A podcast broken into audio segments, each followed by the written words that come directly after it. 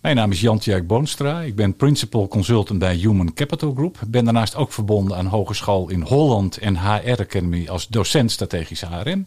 En ben verbonden aan het blad HR eh, Strategie en aan Business School TIAS.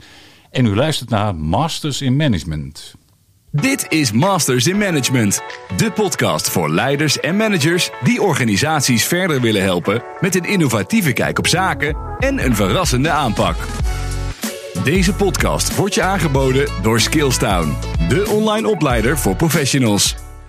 Ja, welkom bij deze aflevering van Masters in Management. Ik ben Peter van der Hout en bij mij voor de podcastmicrofoon zit Jan-Tjerk Boonstra, Principal Consultant bij Human Capital Group. Welkom Jan-Tjerk. Dankjewel Peter. En Jan-Tjerk, we gaan het in deze podcast hebben over de veranderende rol van leidinggevenden als gevolg van corona. Maar eerst heb ik een paar enkele algemene vragen over management en leiderschap voor jou. Eh, om te beginnen, kun je in één minuut jouw kijk op goed management en leiderschap geven? Ja, eigenlijk is het heel simpel. Ben ik geneigd te zeggen, goed management is in ieder geval dat het anderen en organisaties, met anderen bedoel ik mensen, verder helpt. En niet dat het jezelf verder helpt. Dat klinkt heel obligaat en voor de hand liggend, maar we hebben heel veel managers die dat misschien als je naar de praktijk onvoldoende beseffen. Dus ik gebruik het woord empowerment heel vaak. Het moet wel bedoeld zijn om organisaties mensen beter te maken. Het betekent dat je je eigen rol ook een beetje moet relativeren. Dus je gaat niet iets doen als het niet nodig is of als het niets toevoegt. Nou, het betekent eigenlijk, ben ik graag zeggen, een beetje bescheiden rol voor managers. Tot het nodig is, tot er echt gemanaged en geleid moet worden. Oké, ja manager en leiden, zeg je al. Wat is eigenlijk het verschil tussen een leider en een manager? Nou, klassiek zeggen we dan, een manager die controleert en die dirigeert. En, uh, en een leider inspireert en, en schetst de verre toekomst. Dus de, die manager maakt dingen mogelijk die gedaan moeten worden. En die leider maakt misschien nieuwe dingen mogelijk die gedaan kunnen worden. Dus dat heeft met inspiratie te maken en dat soort dingen. En niet, niet met controle, maar met nou ja, eh, wenkend perspectief. Dat is leiden. Ja. En zo, zorgen dat mensen je volgen. Dat is goed leiderschap. Ja, helder. En denk je dat dit in, in één persoon verenigd kan zijn? Ja, dat, dat, dat is een goede vraag. Dat vraag ik me wel een beetje af. Want je ziet ook in heel veel organisaties mensen die dan iets nieuws moeten gaan realiseren. Dat dat niet de mensen per se hoeven te zijn die het dan ook mogelijk maken. En mogelijk maken bedoel ik een organisatie eromheen vormen. Mhm. En zorgen dat mensen de dingen doen die ze dan geacht worden te doen. Dat is toch, ja, dat is meer die manager. Ja, oké. Dus ja. de, de gemiddelde leider is niet misschien de beste manager. Nee, oké. en andersom vaak niet, hè, natuurlijk. Ja, je ziet dat in de praktijk ook wel, dat dat ja. uiteenloopt. Ja, de gemiddelde manager is niet een leider in de zin van inspireren, motiveren, empoweren, wenkende, inspirerende perspectieven schetsen. Nee, dat is een manager. Ja. Ja. Ik doe ook een beetje, hoort het laatdunkend. Ja, ja, zo klinkt het.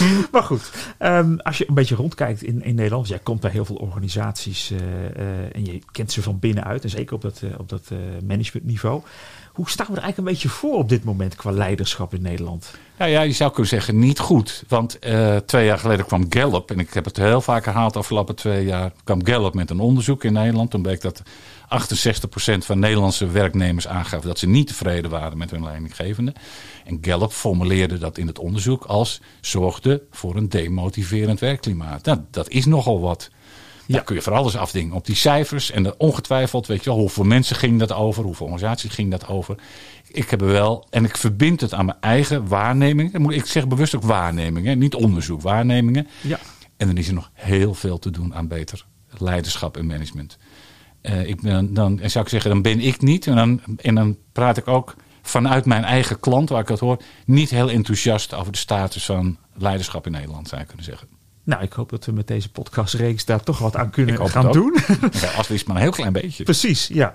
Nu, na deze korte infomercial praat ik verder met Jan Zerk over leidinggeven tijdens en na corona. Dus blijf luisteren. Bij Skillstown geloven we dat professionele ontwikkeling voor iedereen betaalbaar en beschikbaar moet zijn. Daarom hebben we een compleet corporate MBA-programma ontwikkeld dat iedere professional online kan volgen. Kijk voor meer informatie op www.skillstaan.com cmba. Ja, welkom terug bij deze podcast. Uh, Jan-Tjerk Boonstra zit hier nog steeds bij mij. En ik ga met hem dieper nu in op leiding geven tijdens en hopelijk ook snel na corona. Wat zijn naar jouw idee, jan de belangrijkste lessen voor managers en leiders naar aanleiding van alles wat er is gebeurd rondom corona? Ja, Nou, dat is interessant. We hebben vorig jaar eh, 26 zware HR-directeuren geïnterviewd tijdens de coronacrisis. Wat zagen ze nou gebeuren? En als ik het heel kort samenvat, zeiden ze: we zijn verrast over de flexibiliteit en de wendbaarheid die in mensen zit. En opgeteld, als het in mensen zit, zit het in de organisatie. Een organisatie is een optelsom van mensen, niet van structuren en processen. Die worden door mensen uitgevoerd. Er blijkt dus heel veel lerend vermogen in organisaties. Als je het maar mogelijk maakt. En ik denk wat iedereen heel goed heeft gezien tijdens de coronacrisis. En waarom het moest, waarom we anders moesten werken. Iedereen Ja. begreep dat. Ja. Ik zeg, het verhaal was in dit geval heel goed. Het werd mogelijk gemaakt. Hè? Misschien even wat, met wat eh, passen en meten. Dat het opeens heel lastig was om thuis te werken. Misschien niet een goede bureaustoel had enzovoort. We hebben ons heel snel aangepast. En dat betekent ook voor leidinggevenden dat heel veel leidinggevenden er ook achter kwamen. Ik hoef dus kennelijk niet iedereen aan te sturen. Ik, en ik gebruik bewust het woord. En ik laat ook even een pauze wel. De vraag is of je mensen tegenwoordig nog heel erg aan moet sturen. Dus daar moet je heel goed over nadenken. Wat kunnen mensen zelf? Waarbij ik meer coach en facilitator ben. In plaats van de baas per se moet zijn. Ja, dus op zich wel goed nieuws eigenlijk. Ja, eh, dat is- dat was het uitgepakt. Ja, ja. En eh, denk je dus inderdaad ook dat eh, die rol van leidinggevende nu ook blijvend veranderd is hierdoor? Nou, ik hoop het. Dat, dat ten eerste. Dan laat ik daarmee beginnen. Ik denk ook wel dat het voor een deel gebeurt. Dat heel veel leidinggevenden, wat ik net zei, er ook achter zijn gekomen. Dat je niet alles hoeft te weten. Dat je niet alles hoeft aan te sturen. Dat je niet per se dingen moet controleren. Alleen als het niet goed gaat en iemand, kom ik zo nog, komen we zo nog even op terug. Als iemand zelf zegt: Ik heb van jou wel begeleiding of sturing nodig, dat je het dan wel moet doen. Maar niet op voorhand. Ik denk dat heel veel leidinggevenden nu zelf dat inzicht ook wel hebben gekregen. Ja, ja en eh, als je dat zo doortrekt naar organisaties met managementlagen, ehm, is, heeft dat daar ook gevolgen voor? Gaat daar ook, gaan er verschuivingen in plaatsvinden? Ja, dat denk ik wel. Ja, een van de, we hebben een aantal HR-directeuren. En dan haal ik wel even die 26 HR-directeuren die we geïnterviewd hebben. En dan, die zeiden van ja, wij hebben nu ook wel vraagtekens bij al die hiërarchie. Is dat wel nodig? En eh, ik ben geneigd te zeggen, en dan kijk ik ook even naar onderzoek daarover, dat heel veel hiërarchie juist heel erg belemmerend werkt voor innovatie en vernieuwing. Ja. Daar is gewoon heel veel onderzoek naar. Dus er is een directe relatie tussen het aantal managementlagen. Het is een mooi Amerikaans boek wat ik voor je heb gelezen, Loonshots van Bakal. En die heeft dan een bedrijf onderzocht. En er is gewoon echt een verband. Hoe meer hiërarchie, hoe meer laagjes, hoe minder innovatie, hoe minder vernieuwing en hoe minder lerend vermogen. Ja, dus daar moet, wel, daar moet wel wat gebeuren. En inderdaad, je, je trekt het nu al meteen door van die lagen ook naar organisaties. Ehm, wat zou je dan eigenlijk adviseren voor de manier waarop organisaties dan eigenlijk aangepast of ingericht zouden moeten worden? Nou ja, kijk, overal in iedere organisatie, of al is het een organisatie met nog zoveel structuur en, en, en zekerheid en misschien wat minder verandering in de omgeving, er doen zich altijd eh, toevallige, projectmatige, situationele dingen voor. Ja, gaat het niet allemaal regelen in structuur. Dus als er een, eh, in de overheid wordt vaak het eh, begrip opdracht gestuurd of opgavegericht werken gebruikt. Ja. Dan zijn er opgaven. Eh, je kunt ook gewoon zeggen, we zoeken gewoon de mensen daarbij die daar het beste bij passen bij een bepaalde opgave. Het maakt niet uit of ze bij afdeling X werken of bij afdeling Y. Hè, dus we zoeken gewoon, bekijken meer naar de menselijke factor. We zoeken gewoon naar de kwaliteiten die samen een bepaalde opdracht of een opgave het best kunnen realiseren. Dus je hoeft met andere woorden niet alles in structuur vast te leggen, in harkjes en in, van mijn part, functiebeschrijvingen en dat soort dingen. Je kunt ook gewoon zeggen, we maken gebruik van de kwaliteit van mensen. Ja, Dat betekent dat je naast dat die structuuroplossingen, zeg maar, dat je ook gaat denken van we hebben gewoon een eh, projectenpool van mensen. Of we weten wat mensen in onze organisatie kunnen. En als we een eh, projectleider of een coach of we hebben iemand met bepaalde competentie nodig, dan komen we gewoon bij Peter. Ja. Ja. Noem maar eens wat, want we weten dat Peter dat en dat heel goed kan. En dat hoeft niet per se een functie te zijn. Of, eh, zou dat inderdaad wel een, een toenemende mate dan de rol van de manager moeten zijn? Om dat te identificeren van oké, wacht, dit speelt nu in de organisatie. Wie moeten we daarvoor inschakelen en hoe gaan we die faciliteren? Is ja, dat... denk, ja, daar ben ik het mee eens. Ja, ja. Dus dat betekent dat je van oudsher heel erg kijkt naar hoeveel mensen zitten er op die functie. Met Ja. een bepaalde functiebeschrijving. Maar we weten niet precies wat ze kunnen. Maar ze zitten wel op die functie. En nu kijk je meer. Stel je hebt 100 mensen in dienst. Dat je van die 100 mensen ook beter weet van. Die, die dan verschillende functies hebben. Hè, vermoedelijk bij 100 mensen. Maar je wel weet, ja, dat is een hele goede coach. Even los van de functie. Of dat is iemand die heel goed kan luisteren. Of dat is iemand die heel goed kan verbinden. Of dat is iemand die voor mijn part hele mooie visuals kan maken. Of Ja. voor mijn part een podcast. Zonder dat het een functie Precies. hoeft te zijn. Weet je wel? Ja, ja, dus heel situationeel eigenlijk. Ja. En eh, heb je ook het idee dat, want we hebben natuurlijk ontzettend veel uh, leiderschaps- en managementtheorieën, modellen uh, hebben we inmiddels. Heeft corona ook nog nieuwe inzichten op dat gebied opgeleverd, denk jij? Nou, het, een van de inzichten was, die, die ik net al vertelde, dat mensen veel meer kunnen op het moment dat, als we het maar mogelijk maken. Ja, ja. Ik heb te lang ook gehoord, en misschien nog wel van, bij ons willen mensen niet veranderen. Ja. Of mensen willen niet ontwikkelen, of mensen willen niet beter worden. Ja, dat blijkt, hem uit, blijkt ook niet uit onderzoek dat mensen dat willen. Daniel Pink, Book Drive, zegt dan van... een van de allesomvattende factoren is dat mensen beter willen worden in wat ze doen. Dat is logisch, toch? Als je iets doet, laat staan als je het ook nog leuk vindt. Dan wil je Ja. daar beter in worden. Ja. Nou, mensen willen dat dus wel. En we moeten dat gewoon gaan bevorderen en stimuleren. En dat betekent wel een andere vorm van leiderschap. Dus in het model situationeel management minder instrueren, minder toezicht houden, maar meer ruimte geven, meer delegeren en meer begeleiden. Begeleiden in de zin van, ja, hoe kunnen we samen zorgen dat jij nog beter wordt in je werk? Ja. Nog beter je kwaliteiten ontwikkelt. Maar eigenlijk hebben we dus daar alle tools op zich al wel voor liggen. Ja. In de gereedschapskist, om het zo Ja. maar even te zeggen. Ja. Het is een kwestie van het nu goed uit. Ja, precies. Goed doen. Goed ja, doen, ja. Ik, dat vind ik ook wel, maar dan eh, citeer ik ook een aantal hoogleraren die zeggen, weet je, we weten alles wel. Eh, we weten al- alle theorieën, Herzberg, McGregor, DC uit het verleden, is allemaal 100% geldig. En geldend nog steeds. We moeten het gewoon gaan doen. Dat is het hele punt. Ja. In die zin zijn er geen nieuwe wetenschappelijke inzichten bovengekomen. En dan komt natuurlijk toch wel een beetje weer het, het, ja, altijd het punt van oké, als het straks hopelijk allemaal weer wat normaler wordt, dan neigen mensen toch weer naar oude gewoontes. Hè? Het is toch veilig. En ik kan me dat zeker ook voorstellen na zo'n hectische en zo'n zware periode. Hoe voorkomen we dat we dan toch weer in slechte oude gewoontes gaan terugvallen? Ja, dat is een hele goede vraag. Ik, daar heb ik ook niet een pasklaar antwoord op. Dat is helder. Maar ik denk dat we sowieso niet helemaal terugvallen in de oude gewoontes. Weet je? Dat iedereen nu ook zelf ontdekt. Je hoeft niet bij spreken ergens naartoe te rijden voor een Nee. afspraak 100 kilometer verderop. Dat kan ook. Dat hebben we bijvoorbeeld al ontdekt. Ja, ja. Wat ik net zei, leidinggeven, heb ik ontdekt. Mensen kunnen eigenlijk veel meer op het moment dat je ze maar vertrouwen geeft en ruimte geeft. Maar, eh, eh, en het is ook wel goed, dat, laat ik dat punt ook even maken. Het is ook wel goed dat we teruggaan naar. We hebben natuurlijk een hele hectische periode achter de rug, maar we moeten wel naar een weer stabiele, eh, stabiele ja, moet ik het zeggen, manier van organiseren terug. Die Ja. even echt post-corona is. Hè? Dat is natuurlijk wel belangrijk. En misschien is dat voor een deel. Nee, dat is niet misschien. Dat is zelfs zeker voor een deel ook weer meer op kantoor dan het afgelopen jaar. Ja. Heel veel mensen missen ook de verbinding, missen het elkaar zien, missen samen dingen. Dus we gaan, we moeten ook terug naar de oude periode. Maar ik denk wat een van de dingen is dat we meer, naar, beter naar elkaar moeten luisteren. Dus managers moeten meer oog hebben voor wat hun medewerkers willen. En ik denk, je- als je dat doet, dat, er dat we voorkomen dat we terugvallen in wat jij zegt, slechte gewoontes. Ja. Dus als managers ook realiseren van mensen kunnen veel meer.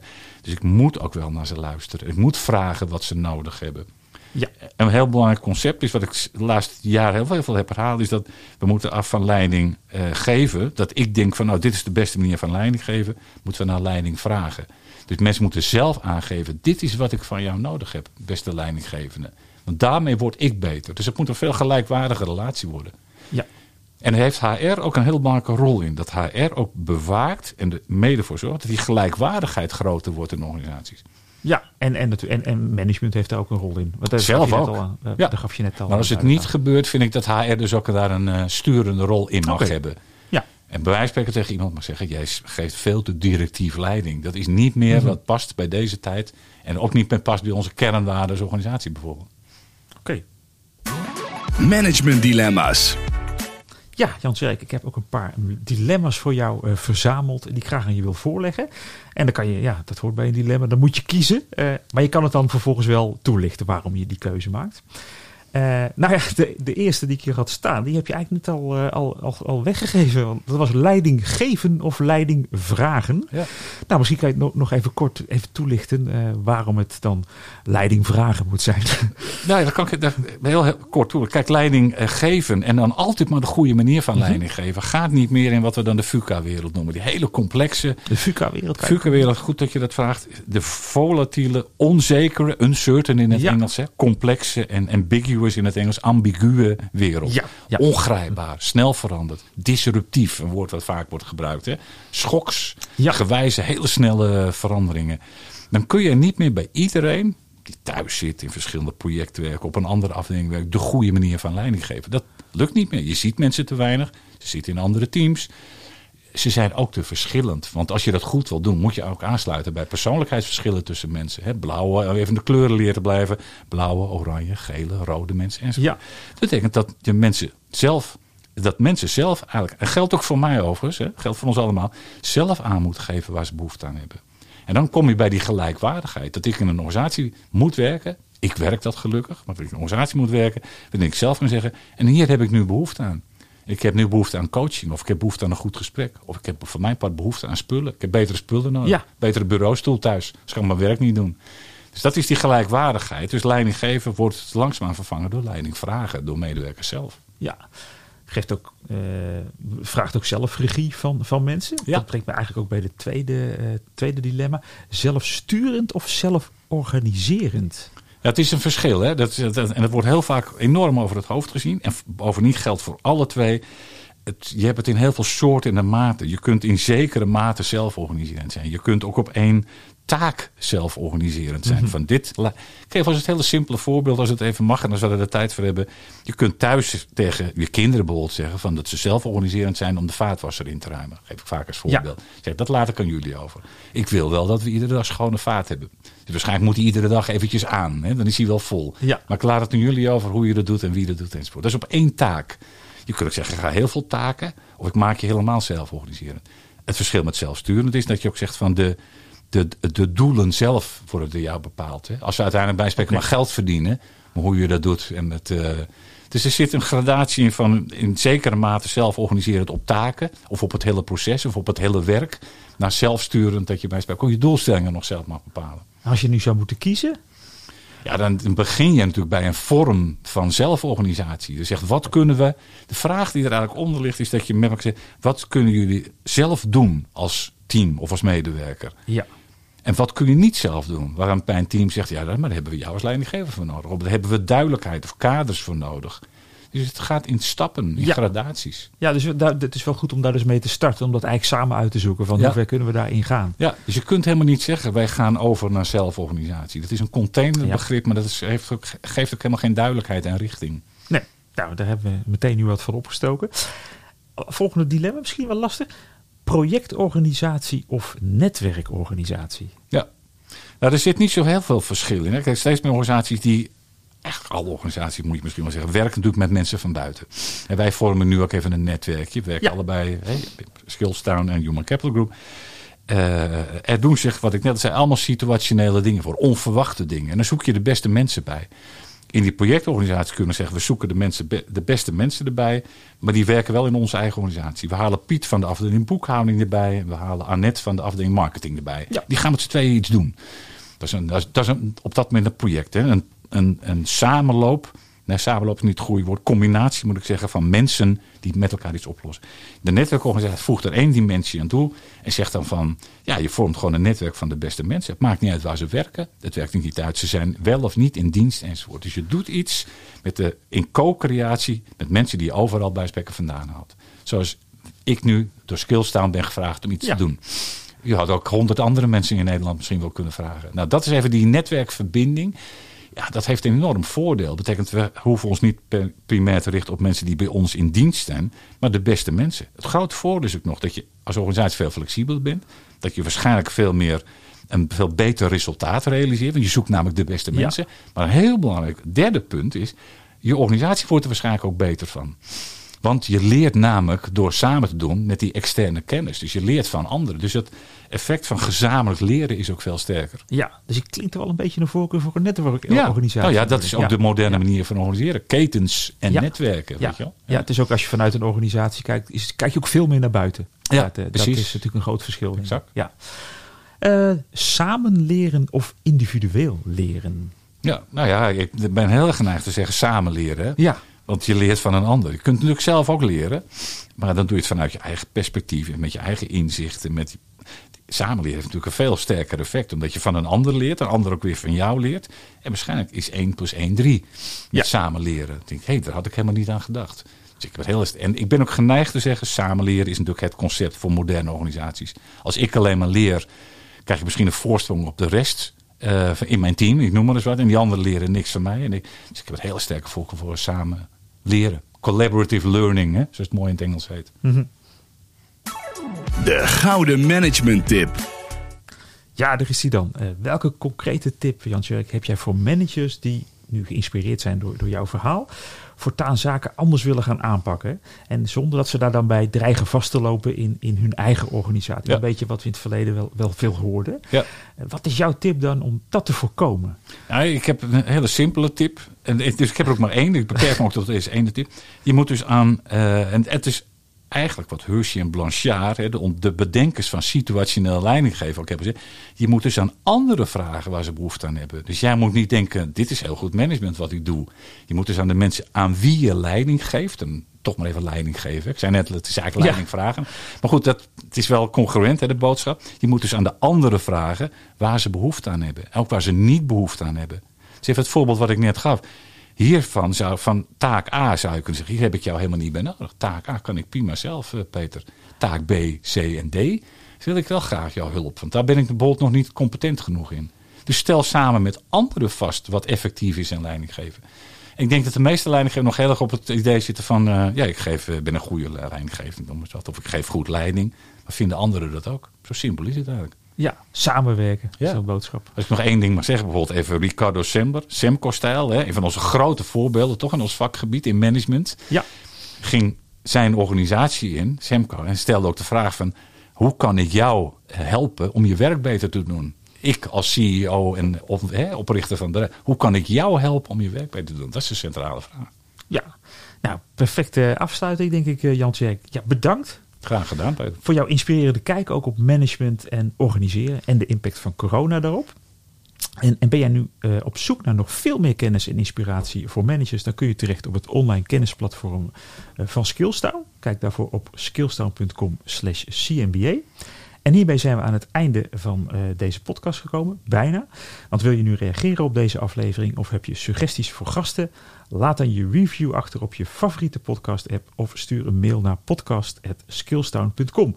Bedankt voor het luisteren en tot de volgende aflevering van Masters in Management.